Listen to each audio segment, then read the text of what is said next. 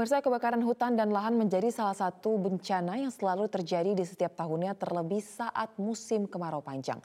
Kementerian Lingkungan Hidup dan Kehutanan mengklaim telah menyiapkan jurus jitu guna menghindari ancaman kebakaran hutan di musim kekeringan yang diprediksi bakal terjadi di tahun 2023 ini.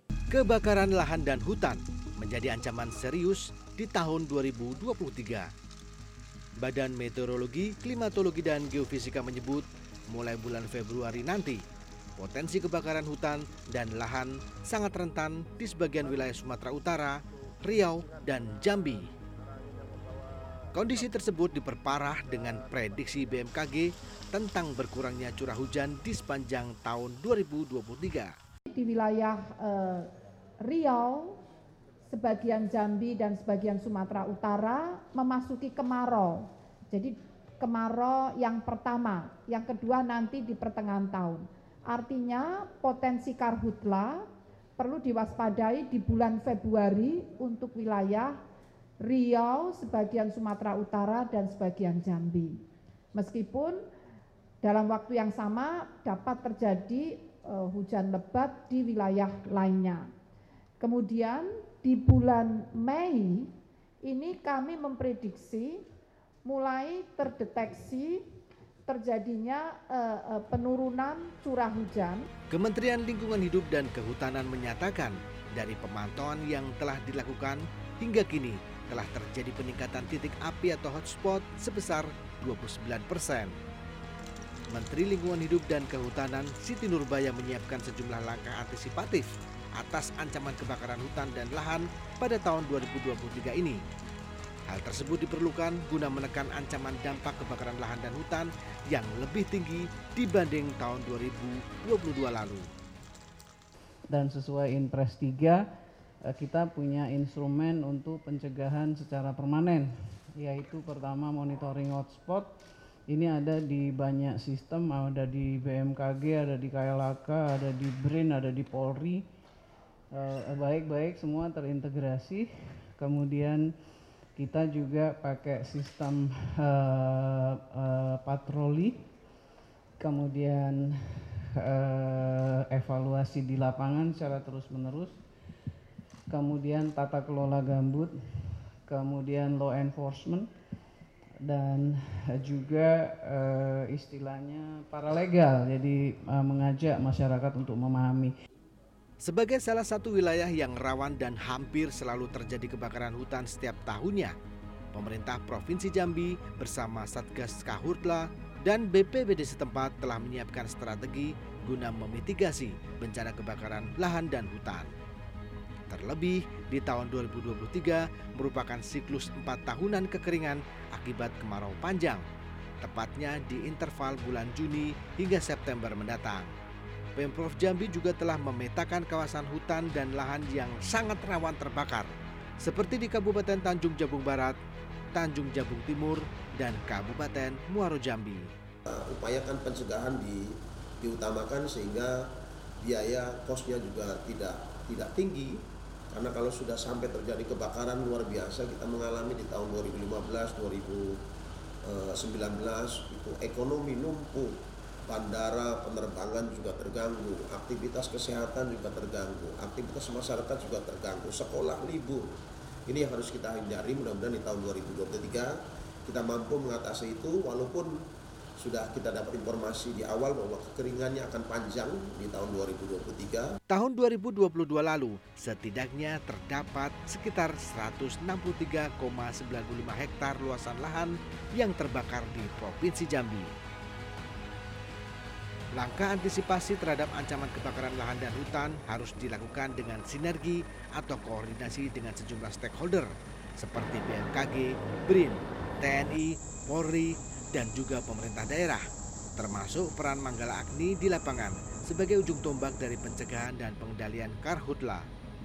Menko Polhukam Mahfud MD menegaskan, berkaca dari penanggulangan dan pencegahan karhutla sejak tujuh tahun terakhir, Diharapkan tahun ini ancaman kebakaran lahan dan hutan dapat dikendalikan dan dideteksi secara dini. Dulu setiap tahun kita selalu diprotes oleh berbagai negara karena asap lintas batas ya. Uh, itu asap yang menyebar ke Singapura, ke Malaysia, ke Australia dan sebagainya. Nah, sejak tahun 2016 itu sudah mengurang, hanya terjadi dua bulan.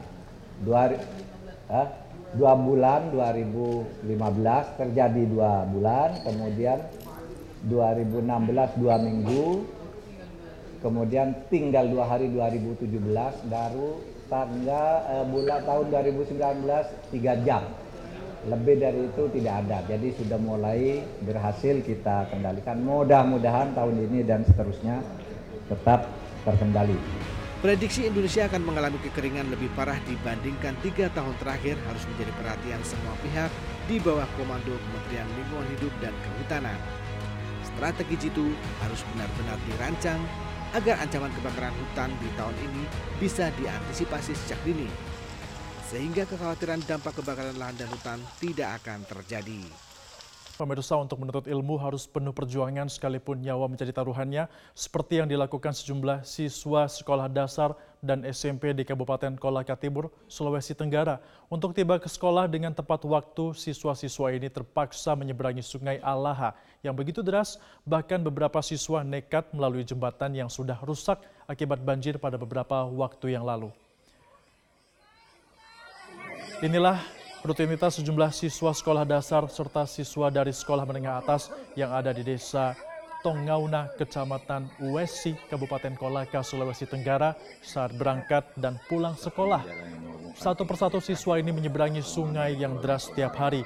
Hal ini terpaksa dilakukan mereka demi tiba ke sekolah dengan tepat waktu. Sementara itu siswa yang tidak mau pakaian yang dikenakan basah nekat melalui jembatan yang sudah rusak akibat banjir yang terjadi pada beberapa waktu yang lalu. Hal ini juga harus dirasakan siswa lantaran jembatan yang kerap dilalui rusak akibat banjir beberapa waktu yang lalu. Kondisi ini tentunya mengancam keselamatan para siswa saat menyeberangi sungai untuk bisa menuju ke sekolah. Terlebih jika musim hujan air sungai kerap meluap dan tidak jarang siswa terpaksa tidak ke sekolah ketika air sungai sedang meluap. Pemerintah setempat pun masih belum menyediakan jalur alternatif. Menurut salah seorang guru, kegiatan belajar mengajar di sekolahnya kerap tersendat akibat siswa yang berada di seberang wilayah harus melewati sungai lebih dahulu untuk menuju ke sekolah. Jelang pelaksanaan arus mudik Lebaran 2023, Korlantas Polri bersama Kementerian Perhubungan dan instansi terkait melakukan kegiatan peninjauan jalur pantai selatan atau Pansela, wilayah Provinsi Banten, Provinsi Jawa Barat, Provinsi Jawa Tengah, dan Provinsi Daerah Istimewa Yogyakarta. Dalam kesempatan tersebut, Kakor Lantas Polri Irjen Pol Firman Santiabudi membagikan tips kepada masyarakat yang akan melakukan perjalanan arus mudik lebaran 2023 lewat jalur pantai selatan agar aman selama berkendara dan terhindar dari kecelakaan. Firman juga menuturkan kondisi yang prima bagi pengemudi akan membuat konsentrasi fokus sehingga meminimalisir potensi kecelakaan. Selain itu, Firman menyarankan agar masyarakat yang akan mudik melalui jalur Pansela untuk menggunakan kendaraan roda 4. Pengendara juga diminta untuk memeriksakan kondisi kendaraan terlebih dahulu. Federasi Sepak Bola Italia FIGC menghukum klub Juventus pemotongan 15 angka dari total angka yang mereka kumpulkan saat ini. Hukuman ini dijatuhkan oleh FIGC menyusul putusan pengadilan olahraga di Turin yang menyatakan Juventus bersalah atas sejumlah penggelapan dana transfer pemain. Klub sepak bola asal Turin, Italia, Juventus mendapat hukuman berupa pemotongan 15 angka dari total angka yang mereka kumpulkan di Liga Serie A saat ini. Hukuman dijatuhkan oleh Federasi Sepak Bola Italia FIGC menyusul putusan bersalah dari Pengadilan Olahraga Turin atas sejumlah penggelapan dana transfer pemain ataupun gaji pemain. Diperkirakan penggelapan dana ini mencapai 90 juta euro atau sekitar 1,4 triliun rupiah. Pemotongan nilai ini membuat posisi mereka turun ke peringkat 10 dengan total 22 angka. Namun FIGC tidak hanya menghukum klub Juventus, tapi juga pengurus klub yang diduga terlibat. Adalah mantan chairman klub Andrea Agnelli, mantan vice chairman Pavel Nedved, mantan direktur sport Juve Fabio Paraciti, dan CEO Juve saat ini Maurizio Arifabene. Hukuman yang dijatuhkan adalah larangan berkecimpung di sepak bola Italia dengan masa waktu yang beragam, Total ada 11 petinggi atau mantan petinggi Juventus yang dihukum. Pengacara klub Juventus sendiri telah menyampaikan akan banding atas putusan ini. Namun tidak dijelaskan kapan berkas banding akan diajukan.